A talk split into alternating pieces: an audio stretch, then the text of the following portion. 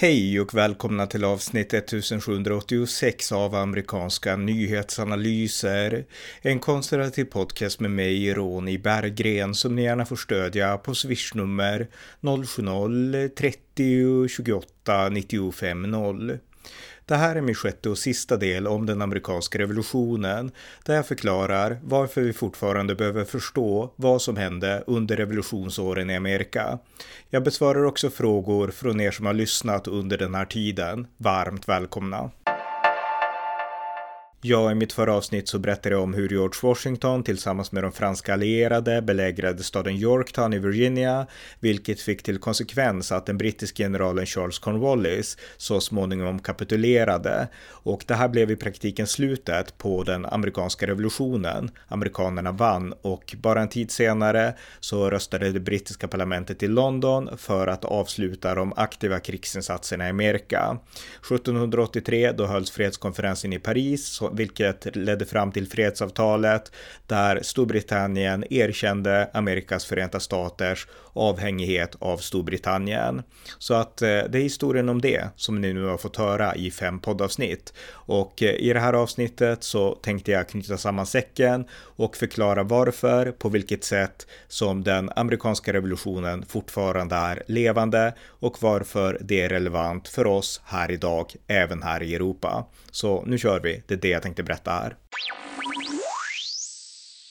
Kriget mot Storbritannien, det var nu slut och kontinentalarméns överbefälhavare George Washington, han lät nu meddela sina soldater, sina generaler och även den amerikanska kontinentalkongressen att han nu tänkte lämna militären, han tänkte vända makten ryggen och han tänkte återvända till sitt privatliv som en godsägare i Virginia. Och eh, när ryktet gick ut om att det var det här som George Washington tänkte göra, då var det många som inte trodde på det här. Därför att det här var ju eh, inte alls den första revolutionen i världshistorien, utan historiskt så hade det varit många, många revolutioner. Och nästan alltid så hade det slutat med att den som ledde revolutionen, den som ville stå upp för rättvisan och störta tyranniet, när den väl lyckades störta tyrannen så blev den personen själv en tyrann med absolut makt över folket. Och eh, det här sa George Washington att så kommer inte jag göra, jag har inget intresse av makt längre. Och när de här orden spred sig att så här kommer Washington att göra, han kommer att lämna makten, då utbrast ingen mindre än Washingtons främsta antagonist, alltså kung George III, Storbritanniens kung. Han sa när han fick höra det att eh, If he does that, he will be the greatest man in the world. Alltså om Washington lämnar makten, som han säger att han ska göra, då kommer han att bli världshistoriens största man. Och det var det här som Washington också gjorde. Han eh, sa till kontinentalkongressen att eh, “Having now finished the work assigned to me, I retire from the great theater of action” så sa George Washington. Han skulle förvisso kallas tillbaka till makten några år senare, men absolut inte på eget bevåg. Så att eh, det var vad George Washington gjorde efter att kriget var slut. Thomas Jefferson då, godsägaren i Virginia, den tidigare guvernören, författaren till självständighetsförklaringen. Han hade också tänkt leva sitt liv på sitt eget gods, Monticello, där i Virginia. Men han blev inkallad eh, av kontinentalkongressen att åka som diplomat eh, och ambassadör till Frankrike och där efterträda Benjamin Franklin som hade varit och förhandlat med Frankrike och knutit diplomatiska kontakter under kriget. Ehm, Jefferson såg det som ett tillfälle att komma bort från sorgen efter sin avlidna hustru Martha och eh, han begav sig till Frankrike och eh, där så eh, frågade fransmännen honom, är det du som ska replace, eh, ersätta Dr. Franklin? Eh, frågade fransmännen som mötte honom. Och eh, Jefferson svarade, No one can replace him, sir. I am only his successor. Ingen kan ersätta Franklin, men jag kan efterträda honom. Så att eh, ödmjukt och eh, intellektuellt på samma gång kännetecknande för Thomas Jefferson. Så att det var två av huvudpersonerna, George Washington och Thomas Jefferson efter kriget. Men nu skulle helt andra saker hända som skulle börja påverka den nya utvecklingen i nationen. Och eh, det första som hände, det var ett uppror som heter Chase Rebellion. Efter den amerikanska revolutionen så fanns det tusentals amerikanska krigsveteraner och de återvände nu hem när kriget var över. Oftast återvände de till rollen som jordbrukare eller farmare och en av dem var Daniel Chase som återvände till sitt jordbruk i västra Massachusetts och eh, veteranerna, de förväntade sig nu att få krigspensioner av tidigare av kontinentalkongressen och nu av konfederationskongressen. Jag berättade ju tidigare att man under kriget hade börjat arbeta på ett, eh, en slags protokonstitution, the articles of eh, the confederation. Och eh, den här hade trätt i kraft 1781, sista året av kriget, eller två år innan krigsslutet officiellt var slut. Och eh, det var nu den här eh, kongressen då som styrde Amerika. Men det var ingen stark regeringsmakt, den hade inte makt över delstaterna utan var i mångt och mycket samordnande. Och eh, nu när veteranerna behövde sina pensioner då vädjade kongressen, konfederationskongressen, till delstaterna att börja samla in skatter. Eh, det var bara det att de man samlade skatter ifrån, det var de vanliga människorna, alltså även krigsveteranerna. Och hade man inga pengar, då blev ens hem och ägodelar beslagtagna av regeringarna för att sen kunna användas som skattepengar. Och Massachusetts var ju helt fel delstat att börja implementera skatter på. Och speciellt på det här sättet, det var ju Massachusetts, hela revolutionen mot Storbritannien hade börjat på grund av skattefrågan. Så att när myndighetspersoner nu ville hämta in skatt av krigsveteranerna så blev det stora protester och eh, det blev ett upplopp mot myndigheterna ledd av Daniel Chase, den här krigsveteranen från västra Massachusetts. De började omringa myndighetsbyggnader, domstolar och liknande och man gav domare stryk och så. Och eh, det här var ett upplopp som eh, Massachusetts hade väldigt svårt att hantera och som den eh, ja, konfederala kongressen inte kunde liksom hantera heller, därför att de hade ingen politisk makt att göra det här. Det slutade med en sammandrabbning där Massachusetts milisstyrkor, de här klassiska miliserna, fick konfrontera de här krigsveteranerna. Så miliser mot gamla krigsveteraner stod mot varandra och eh, miliserna upprätthöll ordningen i Massachusetts. Men den här händelsen, Chase uppror eh, i mitten av 1780-talet, det visade att Articles of Confederation var för svagt. Eh, de här eh, samordnade artiklarna hade ingen makt att hålla nationen samman och nu insåg man behovet av att göra någonting nytt. Och George Washington själv, han krävde att eh, nu behövs det en starkare politisk statsmakt här, för det här fungerar inte, det blir kaos och nationen hotas att slita sönder igen. Och det som då hände, det var att man påkallade ett konstitutionskonvent, The Constitutional Convention, och det gjorde man i maj 1787. Och nu skulle man skriva det som blev den amerikanska konstitutionen. Och eh, nu ska jag berätta lite kort om det. Konstitutionskonventet det ägde rum i Philadelphia som i praktiken var den här nya amerikanska nationens huvudstad och eh, det ägde rum under några månader sommaren 1787 mellan den 25 maj och den 17 september. Och eh, som ordförande för konstitutionskonventet så valdes George Washington. Han kallades tillbaka från sin person i Virginia. En annan känd person, en ikonisk symbol för idéerna bakom revolutionen var Benjamin Franklin som nu hade kommit hem från sin tid i Paris och eh, han blev åldermannen på konventet och han var vid det här laget gammal och ganska trött men han hade ändå en ikonisk roll att fylla på konventet. Eh, andra kända personer, det var James Madison från Virginia och Alexander Hamilton som hade varit George Washingtons sekreterare under kriget och sen var det över 50 personer som var på det här konventet då. Kända personer som inte var där, det var Thomas Jefferson som ju var ambassadör i Paris och John Adams som var ambassadör i London. Sen fanns det också ett antal kända politiker som valde att inte vara med, alltså som inte ville vara med. Där fanns bland annat Patrick Henry, den här kända frihetspolitikern från Virginia och John Hancock som hade varit ordförande för kontinentalkongressen, alltså kongressen som fanns under krigsåren för att samordna delstaterna.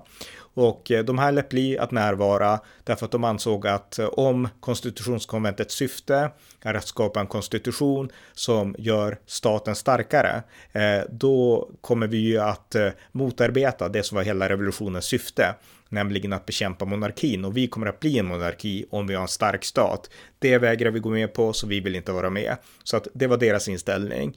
Eh, och syftet var ju såklart att konstitutionen skulle skapa ett starkare politiskt styre. Därför att det man hade sett under Shays uppror, det var att eh, The Articles of Confederation fungerade inte. Det räckte inte för att hålla en faktisk nation samman. Så att eh, syftet var att i viss mån bygga en starkare stat och eh, amerikanerna hade eh, tills dess haft sin lojalitet primärt till sina delstater. Alltså var man från Virginia, då sa man att jag är från Virginia. Var man från Massachusetts så sa man att man är från Massachusetts. Och i praktiken så var ju delstaterna egna nationer. Det fanns ingenting som tvingade dem samman och det var det man nu ville på något sätt göra med konstitutionen. Man ville skapa en amerikansk identitet som stod över, eller åtminstone kompletterade, identiteten med delstaterna. Det var syftet syftet Och eh, USA var ju alltså nu mellanstatligt, det var det som var grejen med The Articles of Confederation. Alltså idag, i vår tid just nu, eh, vintern 2023, så pratas det mycket om NATO. Sverige och Finland försöker komma in i NATO och eh, vi stoppas för att en, ett, ett land, Turkiet, lägger in sitt veto. Och eh, det kan Turkiet göra för att NATO är en mellanstatlig organisation. Articles of Confederation var likadan. Det var ett mellanstatligt dokument som gav alla delstater en röst i konfederations enkammarkongressen, eh, men varje röst hade också makt att lägga in sitt veto som gjorde att man inte kunde fatta några kollektiva beslut. Och det man insåg det var att det här fungerar inte, vi måste ha en starkare konstitution och det var den man skulle skapa. James Madison från Virginia, han kom med en plan som hette The Virginia Plan. Det kom också andra från andra delstater med sina egna planer och sen började man diskutera och försöka lösa de konflikter och intressekonflikter som fanns mellan delstaterna. Och det är en lång historia som jag inte tänker berätta i detalj i den här podden. Men kort och gott, man kom fram till att eh, USAs konstitution, att man skulle styras av en president som skulle väljas. Man skulle också styras av en kongress, men kongressen skulle ha två kamrar, en senat och ett representanthus. Och eh, i senaten så skulle varje delstat, oavsett befolkningsmängd, ha två eh, senatorer. Alltså man skulle inte bli Eh, det spelade ingen roll om man var en liten delstat, man skulle ha lika mycket makt i senaten. Och det här var ett krav som uppkom från små delstater, som Connecticut och liknande. James Madison, som i grund och botten hade föreslagit två kamrar, han ansåg att det här var farligt, därför att han tyckte att det bästa vore att befolkningsmängden i varje delstat avgjorde Eh, platserna och sådär eh, i båda kamrar. Eh, och han ville det därför att det vore det säkraste sättet att förhindra Eh, delstaterna från att själva bara springa iväg åt alla möjliga håll. Alltså vi ska komma ihåg att nu var problematiken i mångt och mycket inte längre överstatlighet. Det hade varit det när man utkämpade ett krig mot Storbritannien. Men nu var det rakt motsatta problem. Alltså vi har ingen regering och delstaterna agerar galet och, och spretigt åt alla möjliga olika håll. Och det måste vi förhindra. Och eh, James Madison tyckte att det måste vi förhindra genom att eh, representationen utgår från befolkningsmängden och eh, små delstater de tyckte så kan vi inte ha det. Så att det blev en kompromiss som gjorde att en kammare, där hade alla delstater två representanter och i en annan kammare så valdes representanterna då utifrån befolkningsmängd i delstaterna. Och i förhållande till det så uppstod också diskussioner, för då ville slavstaterna i södern att eh, slavarna skulle räknas in befolkningen i deras egna delstater, för då skulle de få fler representanter i kongressen.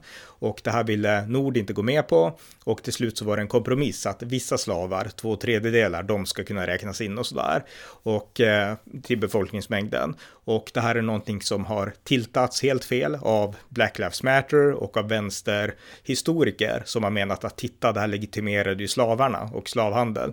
Men det var snarare tvärtom genom att räkna in slavarna. Det bästa hade varit om man inte hade räknat in slavarna alls, därför att då hade eh, godsägarna i södern fått mindre politisk representation på grund av en mindre befolkningsmängd. Så att det hade varit det bästa, men man behövde kompromissa så att man tillät dem räkna in ett antal slavar i sin befolkningsmängd, men inte alla, vilket var ändå var bättre än att räkna med alla, för då skulle slavägarna ha blivit ännu starkare. Så att det här är viktigt att, att betona och det är många som har fått det här fel. Men hur som helst, man skapade en konstitution. Eh, I grund och botten så är det ju den amerikanska konstitutionen som jag har läst många gånger, ett ramverk för hur regeringsmakten ska vara uppbyggd och för hur den lagstiftande församlingen ska vara uppbyggd, högsta domstolen och så vidare. Och eh, därtill så finns det också instruktioner, de kom lite senare, eh, The Bill of Rights, alltså tio tillägg, det var i mångt och mycket James Madison, men även med stor inspiration från Thomas Jefferson, som skapade The Bill of Rights några år senare, 1790, som betonade eh, individuella friheter, första amendment, yttrandefriheten, religionsfriheten och så vidare, second amendment, rätten till vapen och så vidare. Så att eh, det kom också och blev också en unik del av den amerikanska konstitutionen. Men när konstitutionen väl var klar eh, i september då, 1787, då kom Benjamin Franklin, den här åldrade ikonen för den amerikanska frihetsrörelsen. Han kom ut och människor ropade till honom. Vad har ni gjort där inne? Vad, vad är det för slags nation ni har lagt grunden för? Och Benjamin Franklin, han svarade A republic if you can keep it sa Benjamin Franklin. Alltså, vi har byggt en republik om ni kan behålla den, sa han. Och eh, det var mäktiga ord och nu skulle det gå två år till innan den här konstitutionen trädde i kraft därför att nu behövde delstaterna stat för stat godkänna konstitutionen. Och för att göra det så skrev eh, några kända intellektuella, Alexander Hamilton, James Madison och John Jay, de skrev eh, ett antal texter som kallas för The Federalist Papers. Och de här texterna, artiklarna, de spreds i delstaterna för att få delstaterna att förstå vad konstitutionen innebar och varför den behövdes och var bra. Så att det blev den stora kommentaren till konstitutionen, The Federalist Papers. Och eh, 1789, då skulle konstitutionen träda i kraft den 4 mars 1789 och eh, den konstitutionen är den konstitution som USA fortfarande har. Den amerikanska konstitutionen är världens fortfarande äldsta aktiva grundlag, så att det är rätt coolt alltså. Och en av de första saker som konstitutionen eh, innebar, det innebar skapandet av ett presidentämbete och eh, det ska jag berätta lite om nu. Konstitutionen föreskrev ju skapandet av ett presidentämbete och det fanns ingen lämpligare att beträda det ämbetet än just George Washington. Han var nationens stora hjälte utan konkurrens och eh, han tackade ja och den 30 april 1789 så svors George Washington in som USAs första president med huvudsäte i New York som då blev USAs huvudstad till dess Washington DC byggdes några år senare. Eh, George Washingtons presidentskap, det tänkte jag inte här berätta så mycket detalj om. Det kan vi spara till ett annat tillfälle. Men jag tänkte beskriva två saker som hände under George Washingtons presidentskap som har påverkat hela USAs historia ända till nutiden. Och eh, den första saken, det var rivaliteten som fanns bland två av George Washingtons ministrar. Dels finansminister Alexander Hamilton, Alexander Hamilton var ju George Washingtons vapendragare från revolutionskriget och han valdes nu av Washington till finansminister. Därtill Thomas Jefferson som valdes till USAs första utrikesminister under George Washington. Problemet var bara att Alexander Hamilton och Thomas Jefferson hade två helt skilda syn på hur, hur, USAs framtid skulle gestalta sig. Alexander Hamilton, han hade varit med i kriget, han hade sett problematiken med en svag regeringsmakt och han ville nu istället att USA skulle ha en stark regeringsmakt. En eh, regering med makt att införa en centralbank som han vill införa då, en regering med makt att satsa på industrialisering och eh, en tydlig och stark militär. Och eh, även tullar vill han ha för att värna amerikanska arbetare. Thomas Jefferson hade helt motsatt syn. Han ville ha ett decentraliserat USA där nationen inte byggdes på industrier som man hade i Europa, utan där nationen byggdes upp av jordbrukarna, precis som det var hemma i Virginia. Så att eh, Jefferson var utan tvekan idealisten, medan eh, Alexander Hamilton var realisten. Och eh, de här två kom inte överens. De insåg att vi gillar inte varandra och eh, eh det blev en konflikt kring hur man skulle styra USA.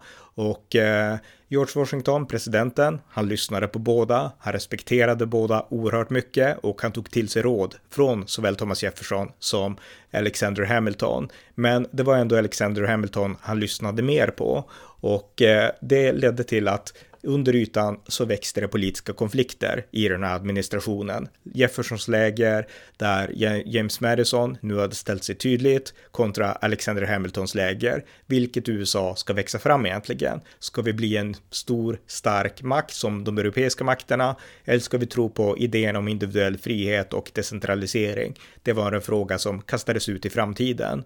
Och eh, 1797, då hade George Washington suttit två mandatperioder. Han hade tänkt sitta en, men han övertalades att sitta två. Men efter två perioder så sa han att nu får det vara nog. Nu lämnar jag makten till någon annan. Och på den tiden så fanns det inget förbud mot en president att sitta hur länge han ville. Så Washington hade kunnat sitta en tredje period om han hade velat det.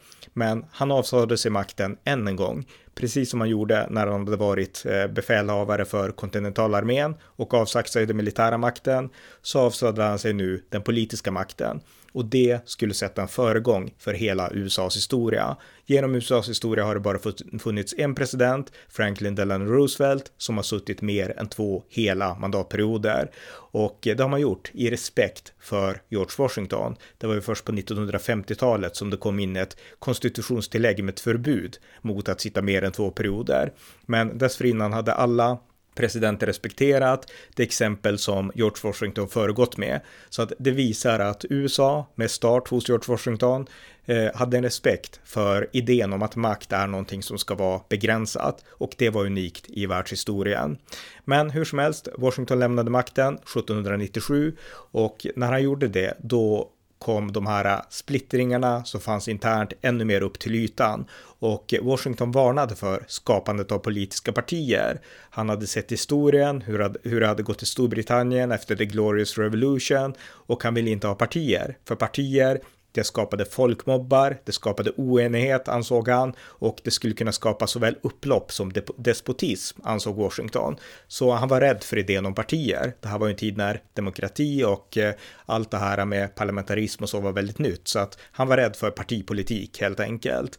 Och eh, han lämnade sedan makten med en varning för partipolitik. Men partipolitiken gick inte att undvika, för nu delade sig människor in, amerikanerna delades in i läger några som tillhörde Thomas Jefferson som trodde på decentraliserad makt och andra som tillhörde eh, Alexander Hamilton som trodde på en stark regeringsmakt. Och det uppstod två partier i USA. Federalisterna med sådana som Alexander Hamilton men även John Adams och eh, Demokratisk republikanerna som de kallas med sådana som Thomas Jefferson och James Madison. Och de här två partierna hade helt olika version för USAs framtid och USA är i mångt och mycket produkten av de kompromisser som uppstod i slitningarna mellan de här två partierna. En, en centralbank skulle upprättas och eh, samtidigt så skulle delstatsmakt också upprätthållas så att det blev liksom en kompromiss mellan de här två partierna.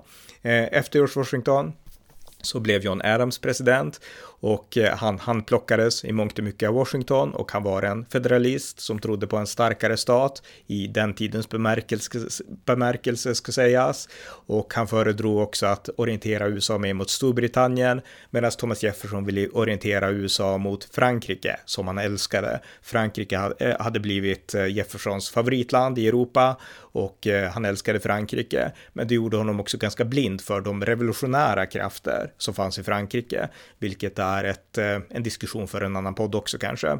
Men hur som helst, eh, John Adams blev president, men han satt bara en period därför att det hölls ett presidentval år 1800 och där så stod, stod valet mellan John Adams och Thomas Jefferson.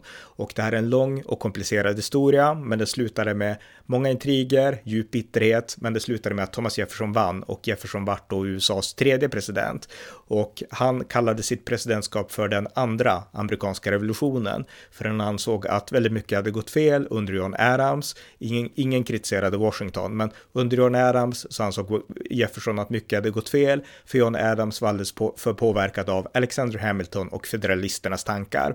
Så att nu vill Jefferson återföra USA till revolutionsidealen med en svag stat och liknande. Så att så gick diskussionerna och eh, sen skulle USAs historia fortsätta i de här spåren. Och ni som lyssnar, det här är ju samma diskussion som pågår än idag. Diskussionen mellan republikanerna som vill ha en mer begränsad statsmakt och demokraterna som vill ha en starkare stat. Det är liksom ett eko från historien, från debatterna mellan Alexander Hamilton och Thomas Jefferson.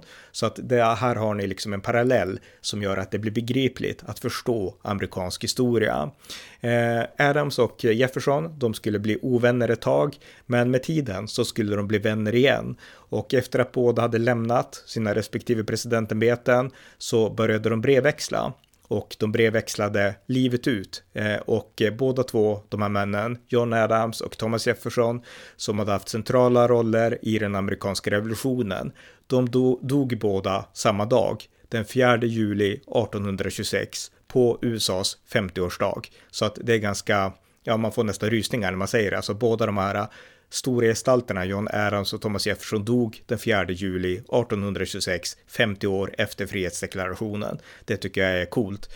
Eh, så att det här var den nation som skapades där och då och eh, den föddes ur den amerikanska revolution som jag har berättat om i de här poddavsnitten. Och eh, nu ska vi gå vidare till nästa del. Ja, vi börjar nu närma oss slutet i den här sjätte och sista delen i min poddserie om den amerikanska revolutionen. Och eh, jag tänkte här lite kort besvara en del frågor som jag fått under resans gång av er som lyssnar. Och eh, en person undrar om upplägget som jag nu har följt i min podd, om det är mitt eget eller om jag har fått det från någon bok eller någon annan. Och eh, svaret på den frågan är att eh, informationen, den är såklart inte min egen. Alltså det som händer, de historiska händelserna, de har jag läst mig till i böcker och jag har sett dokumentärer och jag har ju haft ett långt intresse för amerikansk historia så att jag har inte bara läst nu utan många böcker jag citerar köpte jag och läste jag i 20-årsåldern och sådär. Så att eh, informationen är såklart inte min, men upplägget och eh, sättet att presentera informationen för er som lyssnar, det är mitt eget upplägg. Så att det är svaret på den frågan. Eh, en annan fråga jag fått, den handlar om att att eh, eh, vad är det som gör att eh, en armé kan resa sig efter så många motgångar. Eh, för det jag beskrivit i den här serien är ju att det var inte alltid lätt för amerikanerna. Till exempel efter förlusterna i New York, då var det många som trodde att nu är revolutionen över. Men amerikanerna reste sig igen. Eh, ja, hur kommer det sig? Jag tror att en del av svaret, det fann ni i avsnitt två i den här serien, när jag citerade dels Thomas Jeffersons självständighetsförklaring, men också Thomas Paines skrifter, där han gav hopp till en slagen armé och gav inspiration. Och eh, inspirationen och tron på friheten, det var egentligen det som fick den här armén att fortsätta kämpa sig framåt även i underläge och när allt såg mörkt ut. Och hur kommer det sig då att folk kan ha de här hoppen? Ja, den frågan är svår att besvara. Den kan säkert skilja från folk till folk, krig till krig. Men i amerikanernas fall så var det så att jag skulle säga att de var djupt präglade av det engelska frihetstänkandet. De kände sig som britter, Friheten var liksom livets mening och var man inte fri så var man lika gärna död. Give me liberty or give me death. Alltså det här var en del av den amerikanska mentaliteten. Folk blir som de fostras till, det kan vi se i Sverige. Vi är mångt och mycket produkter av jantelag och en tro på att staten ska ta hand om allt och gör staten inte det, då är det något fel. Amerikaner är inte fostrade så, utan de har trott att de har mer tro på idén om att vi är self-made och eh, vi måste sköta vårt eget liv och staten ska inte lägga sig i. Det är en mycket mer eh, amerikansk och även anglosaxisk tradition. Så att mentaliteten, den fanns där i början. Och eh, när det såg mörkt ut så var det ändå det man föll tillbaka på. Och man kan ju spekulera i också hur uppkom den här mentaliteten. Och jag skulle säga att den uppkom via ja, det arv man hade, miljön, man bodde där ute på, på fronten och man hade de engelska värderingarna i grunden. Det berodde också på religion. Religionen, kristendomen inspirerade många eh, att utkämpa det här slaget om frihet. Thomas Paine skrev ju, trots att han i princip var dist skulle jag säga, så skrev han ju ändå väldigt teologiskt om liksom Gud och kungamakten och liknande. Så att eh, religion var också faktor och det är egentligen ett ämne för en helt annan podd också, för det är så stort. Eh, men där har ni två svar på, på den frågan. Ehm, en annan person efterlyste lite mer kunskaper om det som hände innan frihetskriget och eh, jag gick igenom en del saker såklart eh, om hur, hur, ja, dels så berättade jag om hur engelsmännen hade upprättat sin första koloni eh, i Virginia, Jamestown, men sen berättade jag inte så mycket detalj och man skulle såklart kunna dra allt det här tillbaka till Columbus och man skulle kunna gå tillbaks längre i Englands historia också och de här som emigrerade med Mayflower och det här till Amerika. Men jag kände att jag behövde avgränsa mig och eh, jag tror att det är saker man kan djupdyka i mer i, ett, i, en annan poddserie kanske. Eh, och likadant framtiden. Jag har berättat lite nu om vad som hände sen, men det går att gräva ner sig mycket mer, mycket djupare. Och de saker jag berättade nu om George Washington, om konstitutionen, det ska inte ses som några djupare analyser av de processerna i sig eller de händelserna, utan det var bara liksom en kort eh, övergripande förklaring utifrån det ni hörde i de tidigare poddarna. Så att det vill jag verkligen betona. Eh, fler frågor jag fått, det har handlat om att eh, om varför den amerikanska revolutionen blev permanent, alltså varför USA fortfarande fungerar ungefär så som det började fungera efter revolutionen, medan till exempel den franska revolutionen är helt annorlunda. Och eh, jag skulle säga att det beror på att eh, det beror på folkmentaliteten som fanns i Storbritannien. Det fanns ju en annan fransman, jag har ju berättat om den här franska anhängaren av, revolution, av revolutionen, Marquis Lafayette, som blev en lärjunge till George Washington och kom att älska allt med USA. Alltså han var Frankrikes motsvarighet till Thomas Jefferson. Han åkte till USA och blev förälskad i USA. Jefferson åkte till Frankrike och blev förälskad i Frankrike. Men Marquis Lafayette var en fransman, men det kom på 1830-talet en annan fransman, eh, Alexis de Tocqueville, som reste runt i USA, forskade och undersökte den här nya amerikanska republiken. Och han sa så här att eh, en amerikan är en engelsman som har lämnats åt sig själv. Alltså en amerikan är en person som får leva på det sätt som den personen själv vill. Och jag skulle säga att en skillnad mellan den amerikanska och den franska revolutionen, det var just att den amerikanska revolutionen gav frihet, medan den franska revolutionen, den utlovade frihet och jämlikhet och alla de här sakerna. Men den föll ner i historiens fallgropar och eh, det som uppstod var istället tyranni. Napoleon kom till makten sen. Så att eh, eh, amerikanerna var genuina, alltså genuiniteten, de, den, liksom, den fanns där hos amerikanerna. Och i, i det avseendet kan också påpekas att det här var verkligen inte liksom eh, det var egentligen inte en revolution mot tyranni i USA. I Frankrike var det ju det på ett annat sätt, men i USA var det inte det. De här skatterna som britterna påförde, Eh, eh, T-skatten och även The Stamp Act, det var saker som folk hatade och avskydde, men det var inte för att de här skatterna var så extremt förtryckande. Det var liksom inte någon total diktator som kom in med piskan, även om man kanske fick det intrycket när man läste Thomas Jefferson. Men, men liksom, det var inte så. Britterna backade ju till och med och sa att okej, okay, vi tar bort The Stamp Act om ni ska gnälla så mycket. Men det räckte inte, för vad amerikanerna kände, det var det var liksom inte skattebördan i första hand, utan det var att ni trampade på oss. Vi är fria människor, vad tror ni? Ni behandlar oss som eh, underordnade, ni behandlar oss som slavar, vi är fria. Så att det var ju liksom, det var mentaliteten, det var det som triggade revolutionen. Att man kände att vi är fria och ingen kan behandla oss som att vi vore ofria. Och det var det, mer än skattetrycket och det faktiska förtrycket, som triggade revolutionen. Så att det handlade egentligen om att britterna trampade på amerikaners självförtroende och amerikaners känslor ska sägas. De var patrioter, de var sina egna och ingen kunde komma och domdera med dem. Det var liksom det som triggade revolutionen och det tror jag skiljer USA från många andra revolutioner. För i andra revolutioner drivs man av fattigdom, av orättvisa, av djupt förtryck och liknande. Så var det inte i USA, utan i USA så drevs man av att man kände sig oförrättade. Vi är ett folk, vi är amerikaner, vi är från Virginia, Massachusetts, South Carolina och ingen ska komma här och diktera med oss. En väldigt amerikansk mentalitet som lever fortfarande i många avseenden i USA. Så att jag tror att det var en orsak. Och vi kan ju också komma ihåg att de som ledde den amerikanska revolutionen, George Washington och Thomas Jefferson Jefferson. Det här var män som drevs av ideal, idealism. Alltså det här var i normala revolutioner, då gör man revolution för att man har inget att förlora. Allt har gått fel och nu satsar jag mitt liv för att vinna, jag kan ändå inte förlora något. Den amerikanska revolutionen var tvärtom. Thomas Jefferson var en rik godsägare med slavar i Virginia. George Washington var en rik godsägare med slavar i Virginia. Båda levde totalt tryggt. De hade kunnat fått den brittiska kronans alla välsignelser. Eh, men trots det så valde de att satsa sina karriärer, sina pengar och sina liv, sätta sina liv på spel. Det gjorde båda två, inte bara George Washington utan även Thomas Jefferson. Han hade blivit hängd om han hade blivit fångad där i, i Virginia. Så att båda två satte sina liv på spel. Varför gjorde de det?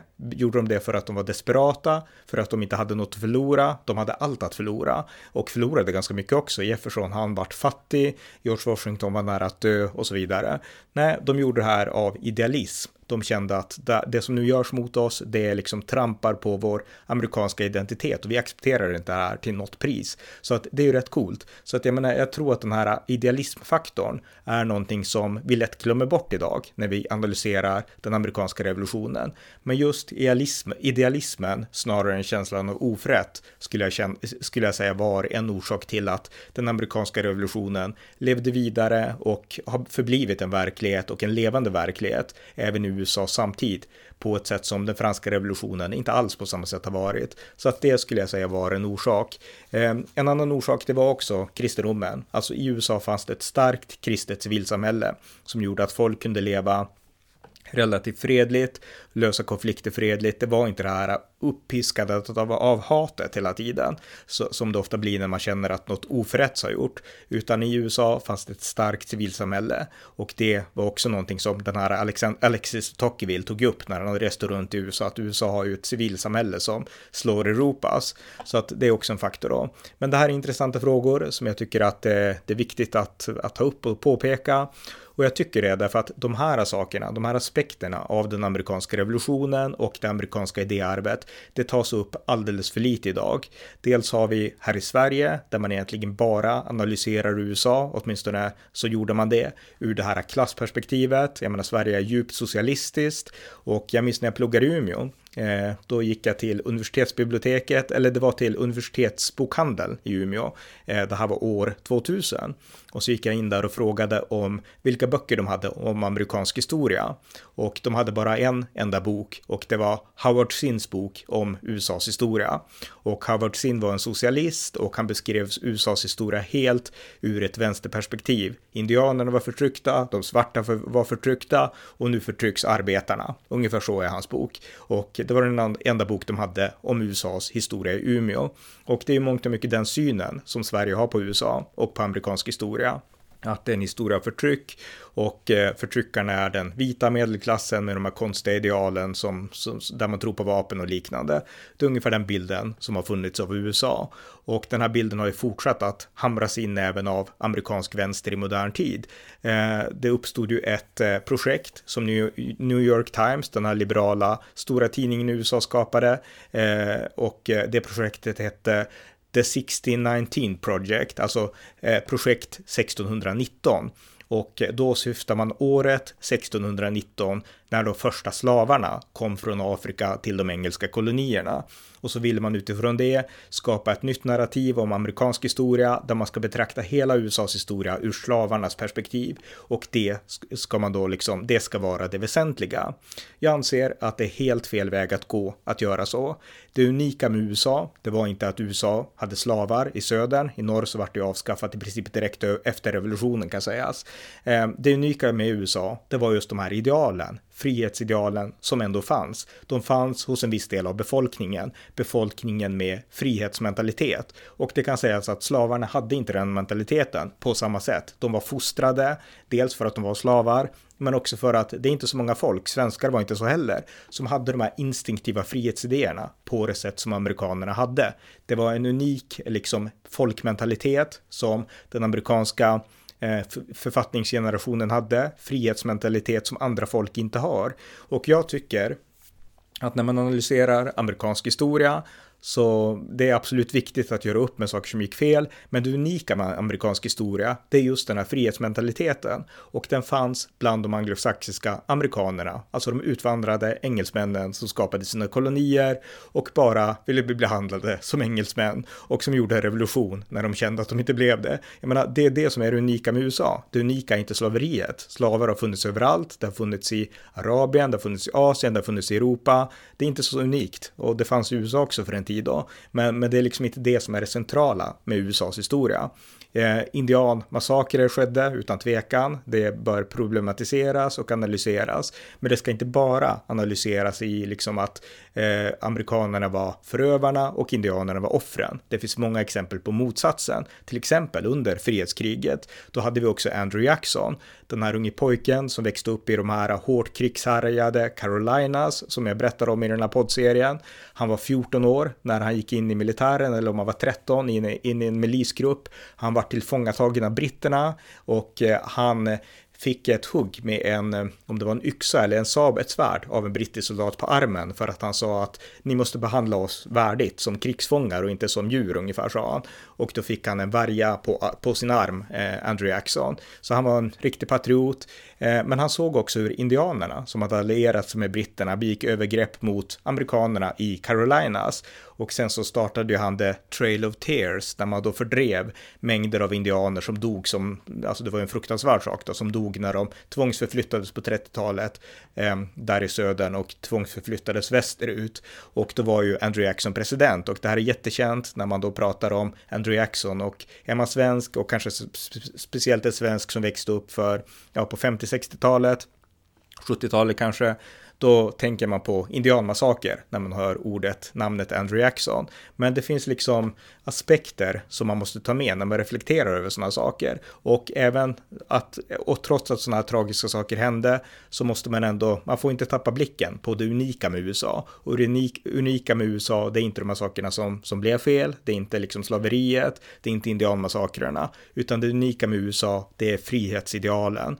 Och eh, jag tycker att i vår tid så har vi tappat blicken, fokus på det för mycket och eh, vi måste komma tillbaka till att förstå det, för det är samma frihetsideal som gör att USA idag står upp för demokrati i världen. Det är de idealen som gör att USA, när man ser militant islam, då åker man dit och bombar sönder terroristerna därför att här har vi ju en totalitär kraft som står emot frihet, våra egna ideal. Det är därför man stöder Ukraina, därför att nu kommer ett imperium som är emot frihet, våra egna ideal. Så att eh, USA blev ungefär det som Thomas Jefferson beskrev att USA skulle bli, ett frihetens imperium. Så att eh, jag tycker att de aspekterna av USA är saker som har hamnat i skymundan idag. Och spe speciellt här i Sverige och kanske i västra Europa. Och det behöver vi förstå. Därför att USA är fortfarande en viktig nation på jorden och eh, frihetens stora eh, försvarare, inte minst militärt. Vi i Europa kan inte försvara vår frihet, vare sig mot Ryssland, mot Kina eller militant islam, på det sätt som USA kan. Och USA gör det de gör därför att USA har den här frihetsådran. Och den raljerar man ju gärna med och ironiserar över här i Sverige, för man tycker bara att det är cynism och det är bara liksom påhitt. Men som sagt, eh, författningsfäderna var idealister. De gjorde inte det de gjorde för pengar, tvärtom. De var idealister på riktigt. Thomas Jefferson, George Washington i synnerhet, men även många andra.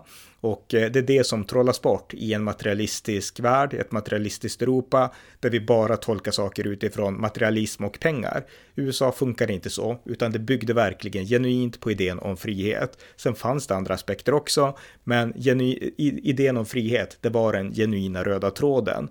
Och det är verkligen det som jag med den här serien har önskat förmedla till er som lyssnar. Det finns en genuin, äkta idé om frihet i USAs historia och den behöver vi förstå idag också. Vi kan förstå den och vi kan lära av den och vi kan låta oss inspirera av den. Sen fatta våra egna beslut såklart över hur vi vill att våra länder ska styras och över hur vi vill eh, driva vår egen politik givetvis. Men ändå med inspiration av att det finns något äkta i idén om frihet. Och det tycker jag är den stora lärdomen från den amerikanska revolutionen och de amerikanska författningsfäderna. Och det tycker jag trollas bort överallt, inte minst i svensk media. Och det var därför jag gjorde den här poddserien. Och eh, återigen så hoppas jag att ni har tyckt att den här serien har varit intressant att följa och givande att lyssna på. Och eh, jag hoppas att ni också har fått ett större intresse för USAs historia genom den här serien serien. Tack så mycket för den här gången.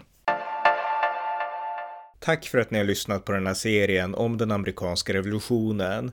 Vill ni stödja amerikanska nyhetsanalyser så kan det göras på swishnummer 070-30 28 95 0 eller via hemsidan usapool.blogspot.com på Paypal, Patreon eller bankkonto. Ni får också gärna skänka en gåva till valfri Ukraina-insamling eftersom Ukraina just nu utkämpar sitt eget frihetskrig. Vi hörs snart igen. Allt gott tills dess.